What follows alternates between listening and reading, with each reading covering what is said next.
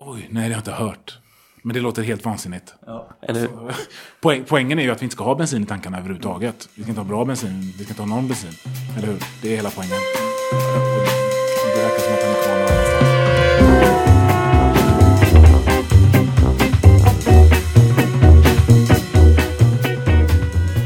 Cykelfrämjandet i Göteborg vill höja vardagscyklingens status på grund av cykelns miljö och hälsomässiga fördelar. På grund av att cykeln är en viktig del i att skapa ett effektivt transportsystem och inte minst för att cykeln är ett socialt transportsätt eftersom cykeltrafik förutsätter och möjliggör mänsklig interaktion. Många cykelvänliga städer vittnar om att förändring till det bättre kräver att modiga politiker vågar ta till tuffa åtgärder som kanske uppfattas som kontroversiella innan de är genomförda, men som gynnat inte bara cyklister utan staden som helhet. Så med den här podden ska vi reda ut vilka ambitioner våra lokala politiker har för att göra Göteborg till en bättre cykelstad. Då säger jag hej till Daniel Bernmar från Vänsterpartiet. Välkommen till podden Växla upp. Mm, tack så mycket. Hej hej. Och tack för att jag fick komma in till Rådhuset igen. Fjärde gången den här våren som jag är här och hälsar på. Det är trevligt. Ja, det är kul. Eh, jag tänkte börja med bara och... Eh, nej men som vi pratade om precis innan vi satte på micken här nu att eh, jag brukar ju faktiskt träffa dig på, eller möta dig i alla fall på cykelbanan längs med, ja någonstans vid Ullevi. Därför vi cyklar åt varsitt håll där. Trevligt. Det är liksom lite grann poängen med cykling att man liksom, ja men träffar sina, sina grannar, sina kollegor, andra som man känner lite eh, Eh, i alla fall bekant med. Men, men jag tänkte fråga, på tal om det, är det fler som känner igen dig på cykelbanan? Blir du påhoppad ibland som politiker? För du är ändå lite, du är ändå lite småkändis i Göteborg får man säga. Nja, jag har nog inte blivit påhoppad så många gånger på cykelbanan. Eh, dock av gamla, gamla klasskamrater eh, Som man helt plötsligt inser cykelpendlar ungefär samma väg. Så det har ju hänt och det har ju varit eh, otroligt trevliga upplevelser. Att helt plötsligt stanna vid ett rödljus och så knackar någon på axeln och så inser man att det är en klasskamrat från högstadiet som står där. Eh, så att, så att, sådana har jag mött, men kanske inte så mycket i, i min roll som, som förtroendevald. Och det, och det är ju kul, för det kanske är liksom folk som man inte har aktivt tagit kontakt med, och så får man växla några ord. Bra grej med cykling. Mycket bra grejer med cykling, det är väldigt socialt. Ja. Eh, men idag då tänkte jag faktiskt... Eh, eh, vi, vi skulle prata cykling och jag tror vi ska prata om en fråga som ligger Vänsterpartiet nära om hjärtat. Bostadspolitik. Mm. Eh, vi har ju ofta er i eh, ja, men debatten framförallt om ja, men upplåtningsformer och sådär. Tänkte att vi kanske inte ska prata om just det idag. Utan om eh, ja, men hur kan vi bygga billiga bostäder? Det vill säga bostäder utan parkeringsplatser. Mm. Ordet är fritt. ja. Nej, men jag, jag så här, vi som kommun kan ju göra ganska mycket. Eh, Vi kan påverka, som du är inne på själv, parkeringstalen och se till att säkerställa att det behövs så få parkeringsplatser som möjligt. Vi kommer aldrig komma ifrån dem helt, men vi kan göra mycket mer. Vi kan också ställa krav på Eh, våra egna bostadsbolag, hur man möjliggör till exempel eh, bottenvåningarna, inte bara för verksamheter utan också för cyklar till exempel. För om vi ska vara ärliga så är infrastrukturen runt cykeln nästan lika viktig som cykelbanan för att säkerställa eh, att, eh, vi kan, att man kommer till och från eh, de platser man reser eh, till. Så, att, så det är otroligt viktigt. Och verktyg som vi har i Göteborg är ju två. Vi har planmonopol och ett väldigt stort ägande av kommunal mark. Och vi har en allmännytta. Vi är en av Sveriges största eh, bostadsbolag eh, i, inom framtiden. Ungefär en, en fjärdedel av alla bostäder i hela Göteborg äger vi gemensamt. Hälften av alla hyresrätter. Så det är ju en enorm tillgång i de bolagen och möjlighet att använda de bolagen till att bygga billigare och bygga bättre. Eh, och då, då är det som du är inne på. Eh, dels kan vi ställa krav på andra att man ska bygga billigare. Vi har ju gjort det ett antal gånger förra mandatperioden. Eh, vid marktilldelning. Att okej, ni får den här marken lite billigare under förutsättning att ni bygger bostäder som uppnår vissa kriterier. mm. när det kommer till hyran. För det är otroligt viktigt att även nya bostäder har rimliga hyror. De kommer aldrig bli så låga som det gamla beståndet. Och det är därför ombildningsfrågan ändå är viktig. Mm. Eh, därför att eh, i det gamla beståndet finns de där riktigt billiga bostäderna eh, som gör att människor kan bo över hela stan även om man inte har en fet plånbok. Och det är jätteviktigt. Men för nybyggnation så krävs det andra grepp. Och då är ju greppet i första hand det här som kallas eh, marktilldelning. Att säkerställa att den sker utifrån kriterier som sätter en lägre hyra eh, mm. på, det, på, det, på, det, på den bostaden som ska vara där sen. Vi har ju testat det ett par gånger. Det har, det har varit blandat utfall, eh, kan man väl säga. Men att i alla fall få ett tioårigt kontrakt med, med en lägre hyra är en bra början. Och det har sparat några tusen lappar för de hyresgästerna som bor i de eh, bostäderna idag när vi ställer sådana krav. Så det kan vi göra. Och sen ska vi jobba mycket mer med allmännyttan och säkerställa att man bygger olika varianter av hus. Sabo har ju, eh, ja, man har tagit fram hus som blir lite billigare att bygga också. För det är byggkostnaderna som är det stora problemet. Och ytan. Så, så eh, att minska eh, spillytor, om man säger så, är viktigt. Eh, och på temat att vi nu pratar cykling så är ju parkeringar en väldigt stor spillyta. Då. Mm. Alltså kostnadsdrivande? Extremt kostnadsdrivande. Jag, jag har en eh, god vän som är arkitekt och han, han beskriver ju att, vilka katastrofsiffror det blir när man börjar inkludera parkeringar. Mm. Jag kommer faktiskt själv från ett projemöte, jag är inte arkitekt med i, i byggbranschen och det var en, faktiskt en fråga på det här mötet. Vi har inte plats för parkeringsplatser, vad ska vi göra?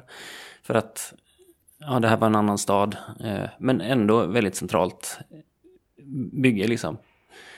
Och de har sina, den här staden har sina parkeringsregler och då måste de uppfylla dem. Mm. Och det, det, är en utmaning. Och jag, jag tänker liksom hur, hur, ska man få, ibland händer det till och med att man, det inte blir någon, något bygge för att, eller att man kanske måste minska på den totala ytan för att, för att liksom uppfylla stadens krav. Mm. Nej, och här är det väl viktigt, här har vi ju tryckt på eh, vi och kanske framförallt Miljöpartiet, det är vi två kan man säga, de rödgrönrosa partierna och kanske mest har tryckt på för att säkerställa att försöka ändra de här reglerna så att det blir så lite parkeringar som möjligt. Mm. Jag tycker att i Göteborg, med tanke på eh, situationen, så kanske vi har lite större chans än i många andra städer ändå. Eh, dels därför att det finns väldigt mycket parkeringar centralt, eh, tyvärr. Mm. Eh, men också eh, dels därför att många ser problemet, tror jag. Mm. Så, att, så att jag tycker väl vi är på god väg. Sen, sen finns det mer vi kan göra för att ytterligare det som nu är projekt, om man säger som att projektfastigheter, att de blir mer permanenta lösningar och att kommunens regler anpassar sig efter den nya verkligheten. Att folk inte vill ha bil i samma utsträckning, egen bil. Det tror jag är en viktig... Eh, jag, menar, jag har inte ens körkort, mm. så för mig är det helt meningslöst att betala för en parkeringsplats. Eh, och det, det, är många med mig som bor i storstäderna som, som, som har den situationen. Eh, de vill ju inte vara med och på hyran betala för ett parkeringshus till exempel. Eller för, för I slutändan så är ju parkeringarna subventionerade på ett eller annat sätt. Mm. Oftast blir det via hyran. Eh, så, att, eh, så jag tror att i Göteborg har vi ett gyllene tillfälle att eh, sätta en annan standard. Mm. Och jag tänkte på det, det har ju faktiskt varit en liten, du, du nämnde de rödgrönrosa som har varit drivande i att minska parkeringstalen, men ni har ju faktiskt fått medhåll av till exempel Liberalerna här för mig, när det gäller Frihamnen. Ja. Precis, och, då, och, det som har hänt är ju att i några av de här mer kostsamma eh, projekten, eh, där det är både i Frihamnen, eh, i älvs, delar av Älvstranden-projekten kan man säga, har vi fått gehör och i vissa har vi inte fått det. Så Skeppsbron till exempel fick vi ju inte gehör för att ta bort parkeringsgaraget. Eh, det här eh, monstergaraget under älven? Ja, som det kostar sex, staden 600 miljoner i subvention, eh, vilket är en helt vansinnig kostnad. Eh, där fick vi ju inte gehör, eh, tyvärr. Men i andra framtida projekt, både i mast, delar av Masthuskajen om jag minns rätt, och i, och i Frihamnen, så har vi fått visst gehör från andra partier. Så att, så att eh, ja, det är det jag menar, att jag ser lite hoppfullare kanske i Göteborg än i många andra städer där man kanske inte har haft sett samma utmaning eh, historiskt som vi har gjort. Eh, för, för det börjar ju bli ett verkligt problem och en kost, väldigt stor kostnadsdrivande faktor. Mm. Och det är ju först när det är pengar inblandade som folk börjar bry sig. Tyvärr, vill jag säga då. Som, som tycker något annat. Men, mm. men det är först när pengarna kommer in i det och man faktiskt synliggör hur stora kostnader som är förknippat. Både med de, med de fysiska ytorna som, som eh, fordon tar upp och eh, både när de rör på sig och när de står stilla. Mm. Ja, precis. Och, och kopplat då till liksom, bostäder och kanske framförallt billiga bostäder. Man måste ju alltid ställa villkor någonstans. Alltså man får välja bort saker. Alla kan inte få havsutsikt till exempel. Och så tänker jag, men vi, vi är ganska duktiga, som du säger, på att bygga bostäder där man inte har tillgång till gångcykel kollektivtrafik.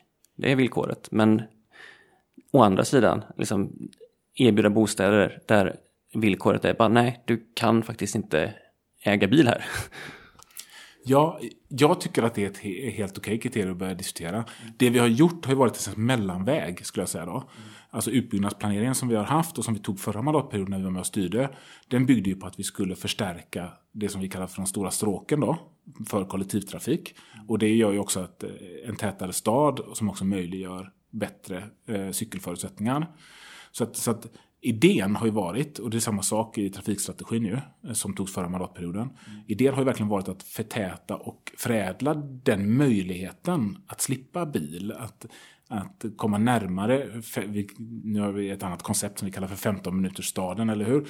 Som betyder att man ska kunna ta sig till alla viktiga saker på en väldigt kort tid med ett vettigt eh, transportmedel. Just det, den, det har varit uppe i eh, den här podden flera gånger, nästan varenda avsnitt tror jag, när jag har pratat om 15 minutersstaden.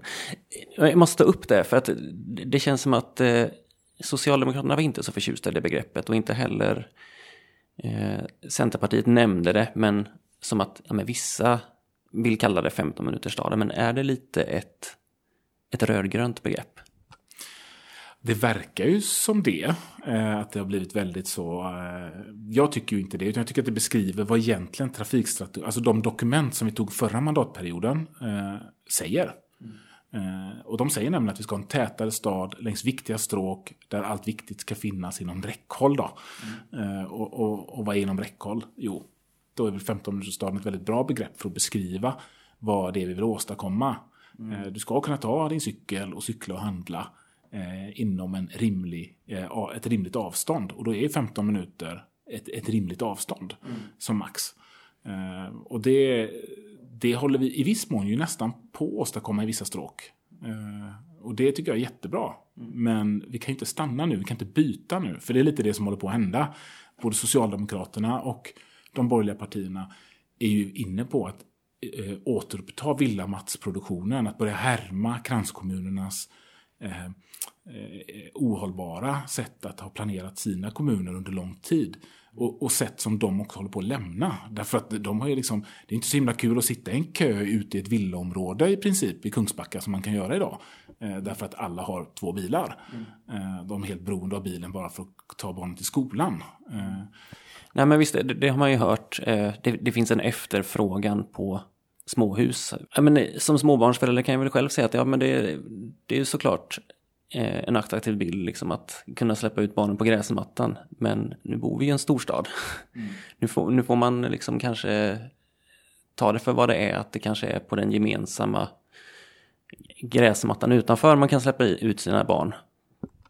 Jag tänker att det finns två sätt att lösa det på. Det ena är precis det att vi bygger slutna kvarter och skapar innergårdar eh, som gör det möjligt att ha som är attraktiva för barnfamiljer därför att då har man ett lite halvslutet sammanhang men ändå kollektivt. Mm.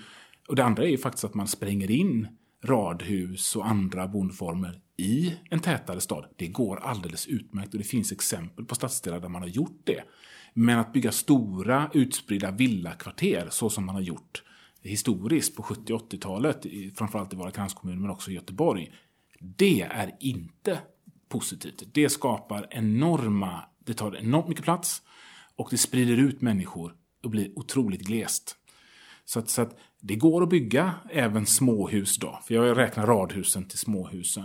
Och förtäta med sådana. I det området där jag bor, där har man förtätat med både ganska stora nya lägenhetshus, flerfamiljshus, men också med radhus. Så det är, det, är fullt möjligt att göra den blandningen och skapa en tätare stad ändå. Mm. Och här tycker jag lite grann att man missar målet när man säger att man ska bygga i praktiken stora villamattor. För det är det man är inne på på hissingen nu till exempel, i den nya översiktsplanen. Eh, det tycker, tycker jag egentligen i grund och botten är orimligt. Därför att det öppnar upp för ytterligare mer bilberoende. Och det behöver vi inte i Göteborg. Göteborg är en otroligt bilberoende stad. Mm. Ja, men helt enig där. Eh, jag tänkte hoppa till en helt annan eh, grej. Jo, jo, förresten, jag hade en sak till. Faktiskt på, om upplåtelseform. Linbanan tänkte jag på, och nu utgår jag från mig själv igen här. Som en, av en händelse skulle linbanan eh, passera precis utanför mitt fönster nästan.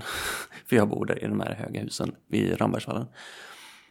Eh, och jag bor i bostadsrätt. Och då var det lite så här, jag, jag gillade egentligen idén med linbanan, men ja, kanske inte riktigt utanför mitt fönster. För att, inte så mycket för att det skulle störa mig på linbanan, men nu har man gjort en investering i den här bostadsrätten. Då vill man inte ha saker nära inpå som kan sänka värdet på ens bostad. Nu nästan ledande fråga här för du är ju kanske inte för bostadsrätter så mycket vad jag förstår. Tror du att liksom eh, när vi producerar mycket bostadsrätter att det kan liksom hindra en förtätning att folk sätter sig mer på tvären? Ja, alltså jag är inte emot bostadsrätter per definition, Nej. vill jag ändå säga. Eh, jag bor själv i en ägandeform numera, eh, sedan några år tillbaka. Eh, därför att det var enda sättet att få tag i det där, eh, det här radhuset som, som eh, min familj ville ha. Eh, tyvärr har vi alldeles för få hyresrättsradhus i, i Göteborg. På temat någonting som jag tycker att allmännyttan borde eh, göra mer av. Så är det faktiskt det. Mm. Men jag tror definitivt att på en mer spekulativ bostadsmarknad så, blir, eh, så utgör det ett hot mot stadens utveckling. För att det påverkar naturligtvis människor som har väldigt höga belåningsgrader, som är beroende av en viss utveckling av sin bostad för att klara eh, sin bostadssituation. Eh, så att, att den spekulativa bostadsmarknaden vi har är både ekonomiskt farlig men också utvecklingsmässigt farlig. Det tycker jag absolut. Eh, så så där, det, det är någonting man behöver se över och fundera på. Jag tycker att staten har agerat ganska märkligt när det kommer till den höga skuldsättningen hos privatpersoner i Sverige. Vi är ju ett av de länder i världen med högst privat skuldsättning på boendesidan därför att staten inte har en fungerande bostadspolitik och inte har någon bostadspolitik alls och då blir det ju upp till den här spekulativa bank, alltså bankernas bostadsmarknad egentligen. Mm. Och det är klart att den påverkar oss som individer. Eh, och vad vi vill och inte vill i förhållande till våra bostäder. Sen måste jag ju säga att ett av de stora, större problemen är väl också att vi är ganska konservativa. Eh, både göteborgare och svenskar generellt tror jag när det kommer till det. Jag är ju en glad anhängare av linbanan till exempel generellt sett. Jag tyckte det var en jättespännande idé. Eh, men, men, men vi är ju också väldigt konservativa och så fort det osar som att här skulle det kunna bli dyrare eller här skulle det kunna bli ett problem då lägger man benen på ryggen ganska fort. Och det var ju vad som hände med linbanan. Mm. Um, annars hade ju, skapade den ju en modalitet som det heter. En, en möjlighet att för både cyklande och, och, fotgängare att röra sig väldigt snabbt över väldigt stora ytor i en väldigt gles stad. Mm. Uh, som hade varit väldigt positiv. Uh, så jag vet ju själv, det är inte så himla roligt att cykla från där jag bor, i östra Göteborg, till, eh, till Arendal till exempel. Det är ju en en jäkla resa helt enkelt att cykla. Och då är ju den här typen av eh, modalitet där man kan eh, föra med sig cykeln för att korta eh, Eh, den ansträngningen jätteviktiga. Och, det har vi inte i Göteborg. Så att jag, jag hade varit positivt inställd till att, till att bygga en linbana. Mm. Vi närmar oss lite rikspolitiken, det brukar vi sällan göra i den här podden. kanske inte alls. Men, men eh, en annan fråga, det kommer ju eh, bilägare i Sverige har fått ett bidrag. Ett ganska stort bidrag ändå. Och det var väl lite, får man kalla det en liten ohelig allians mellan Vänsterpartiet och ett gäng partier på högerkanten som kom överens om det här eh, bidraget. Mm, ja, det var skatten på eh, eh fossila bränslen. Precis, ja. ja. Mm. Eh, en partikamrat till dig, Jens Holm, mm. han var er klimatpolitiska talesperson. Han har hoppat av uppdrag, sitt uppdrag för han tycker inte att han kan inte liksom föra partiets talan längre. Är Vänsterpartiet splittrade i den här frågan? Jag tycker väl inte att vi är så jättesplittrade egentligen. Eh, sen kan ju varje litet steg eh, inte nödvändigtvis uppfylla allas vilja. Det här var väl en sån där grepp som man kan fundera på. Särskilt från, från storstadsperspektiv så känns det ju lite märkligt. Eh, får man nog säga. Men jag, man får tänka sig tror jag i hög utsträckning att detta inte i huvudsak handlar om storstäderna. Utan handlar om, om glesbygden där man fortfarande är beroende av bil. Eh, och det är ju det här att ha två tankar i huvudet samtidigt. Att å ena sidan så behöver vi ställa om. Eh, eh, och då ser det ut på ett visst sätt och då behöver man göra vissa insatser för att skapa den möjligheten. Eh, och att den möjligheten och förmågan ser olika ut om man befinner sig i en storstad eller om man befinner sig eh, i glesbygd. Eh, eh men var det inte lite trubbigt att bara dra en skattelättnad rakt av på, på bensin? Det är absolut en rimlig...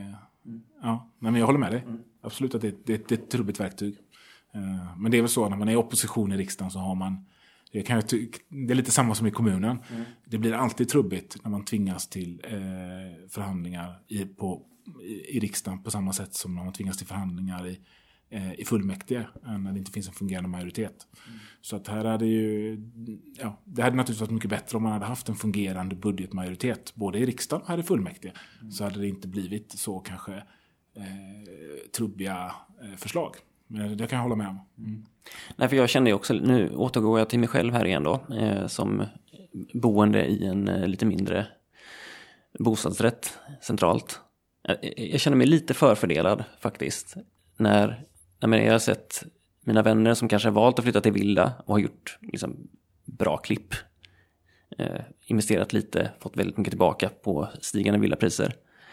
Eh, själv har jag liksom, dels av övertygelse valt att bo lite mindre för att det är mer resurseffektivt och kanske inte gjort en jättebra investering. Men då när de som först har gjort en bra investering, när det visar sig att nej men det kanske inte var så bra, då får de bidra för det. Det är lite orättvist kan jag känna att det är. Mm, mm, mm.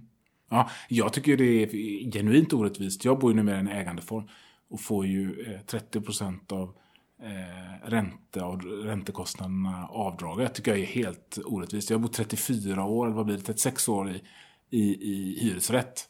I praktiken har jag under mina 36 år betalat för, eh, eller under de flesta av de åren varit med och betalat för att de som äger någonting ska få rabatt på det. Mm. Eh, otroligt orättvist. Sånt mm. borde vi definitivt avskaffa. Eh, så det finns många problem med boendeformerna där det idag vissa boendeformer gynnas framför andra. Och det är ju djupt problematiskt eh, och borde ändras. Mm. Ja, nej men eh, tack så mycket. Jo, vänta, en sak till. På tal om det här. Eh, eh, lite skojig avslutning tänkte jag bara, en, en parentes. Jag, jag, lyssnade på, shit vad heter han nu? Eh, socialdemokrat Farmanbar. Vet du vem jag pratar om? Han är energiminister. Energiministern, ja. Just det. Jag vet inte vad han heter. Ja men ganska ny energiminister. Mm. Nej, men han fick frågor om det här. Eh, och, och, lite på temat politisk retorik. för, för, jag vet att politiker gillar väl bildspråk. Man vill prata om mer pengar i plånboken, bra mat på våra bord. Eh, vad skulle det kunna vara i bostadspolitik? Tak över huvudet? Jag vet inte. Han drog, vi måste ha bra bensin i våra tankar jag, tyck, jag blev så förundrad över det att bilnormen är så stark att det ska vara ett bildspråk som politiker använder. Eller har du hört det för övrigt? Oj, nej det har jag inte hört.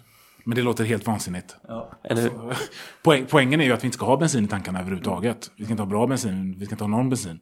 Eller hur? Det är hela poängen. Mm. Och det verkar som att han är kvar någon annanstans. Ja. Jag tyckte det var intressant i alla fall. Eh, jag vet inte, jag, nej men jag är ganska nöjd så. Tack så mycket för att du ville vara med i podden och lycka till eh, framöver. Har du något, några avslutande ord sådär kanske? Några avslutande ord? Ja, om, om, man ska prata om Göteborg som cykelstaden då, eh, om vi ändå återgår till det, så eh, har vi en jäkla resa att göra och jag tror att vi gör det tillsammans, vi som är cyklister.